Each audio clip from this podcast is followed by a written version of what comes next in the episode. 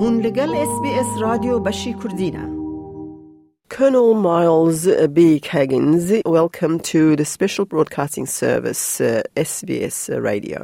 Thank you. I'm glad to be on SBS Radio and uh, speak to all your listeners in Australia and around the world.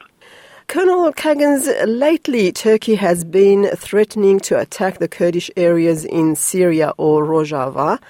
And it did on many occasions, especially after the Istanbul bombing. And its excuse is because of the YPG. In your opinion, if the YPG distance itself from PKK, would Turkey still threaten to attack the areas? What's your position or the US's position regarding that? Well, I'm I'm uh, previously served in Iraq and Syria as spokesman for the Global Coalition to Defeat ISIS between August 2019 and September 2020.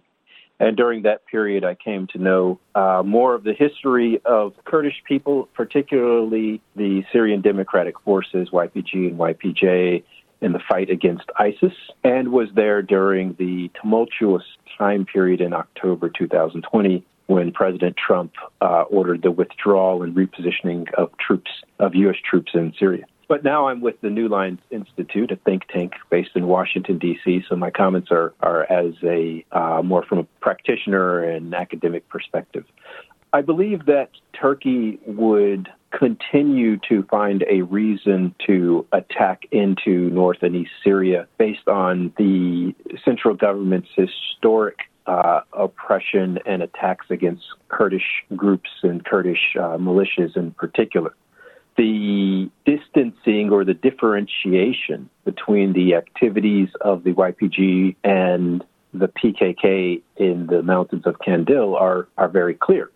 The YPG, YPJ, and later Syrian Democratic Forces stood up to fight and protect and liberate their communities from ISIS in 2014 uh, through 2019. Of course, that was uh, with the help of the Allies, wasn't it? Yes, with the help of the U.S. led coalition, uh, particularly with the sharing of intelligence and precision airstrikes, as well as funding for uh, military equipment and training for the anti terror forces of the SDF. That history shows that fight was successful uh, at great cost to the Syrian Democratic Forces, which your listeners must always remember were largely Arab in composition, including uh, forces that were Christians, Turkmen, Assyrians, as well, of course, uh, Kurdish leadership for the Syrian Democratic Forces. And the focus of the SDF is keeping people safe within the autonomous administration of North and East Syria and holding 10,000 ISIS detainees, as well as many, many tens of thousands of family members associated with ISIS. Certainly, the groups in Syria are not uh, involved in uh, planning military attacks within Turkey.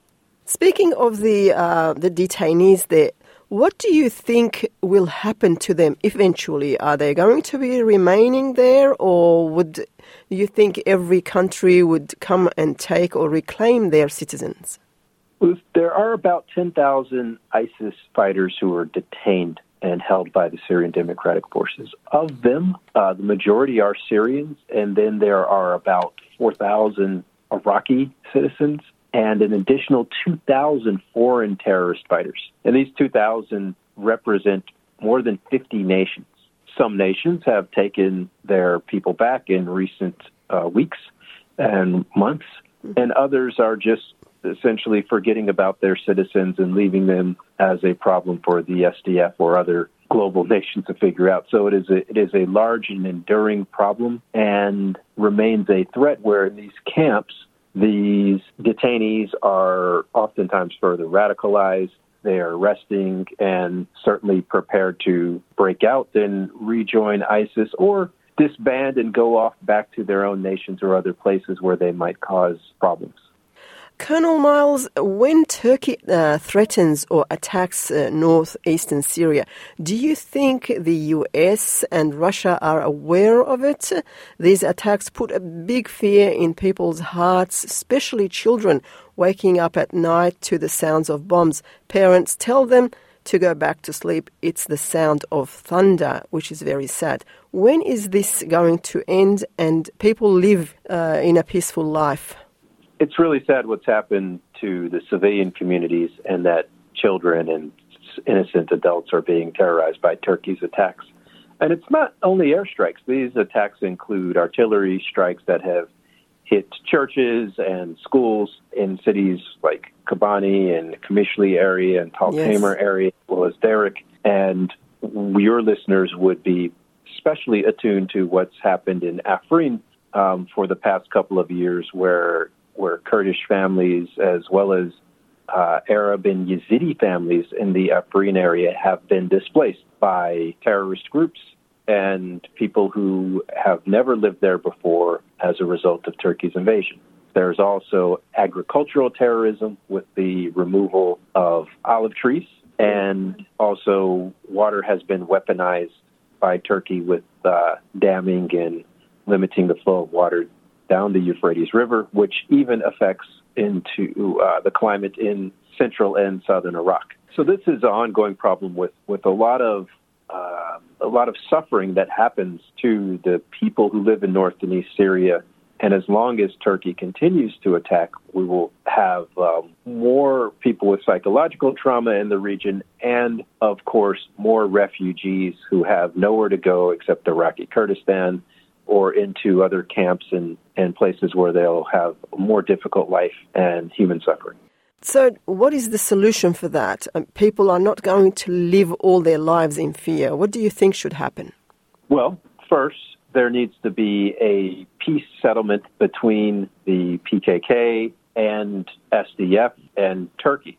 Since Turkey sees that the Syrian Democratic Forces and PKK and YPG are one and the same, then there needs to be a, a peace settlement. That discussion, those discussions and negotiations should include Russia, probably include the United States, where there's some agreement that is a commitment by Turkey to stop doing the attacks. Now, Turkey would say they want a commitment from the SDF to not attack, and I think that's easy to do for the Syrian Democratic Forces because they do not have the capability of conducting these uh, attacks that Turkey claims from the location of Syria into far reaching places across the border.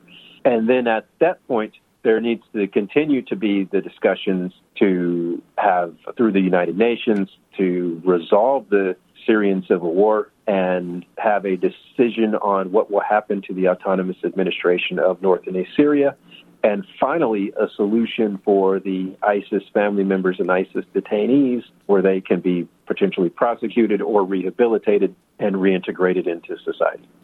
Colonel Myles, as you know, thousands of Kurdish men and women have sacrificed and lost their lives, especially in northeastern Syria or Rojava, to defeat ISIS. Do you think the American troops will withdraw from northeastern Syria anytime soon?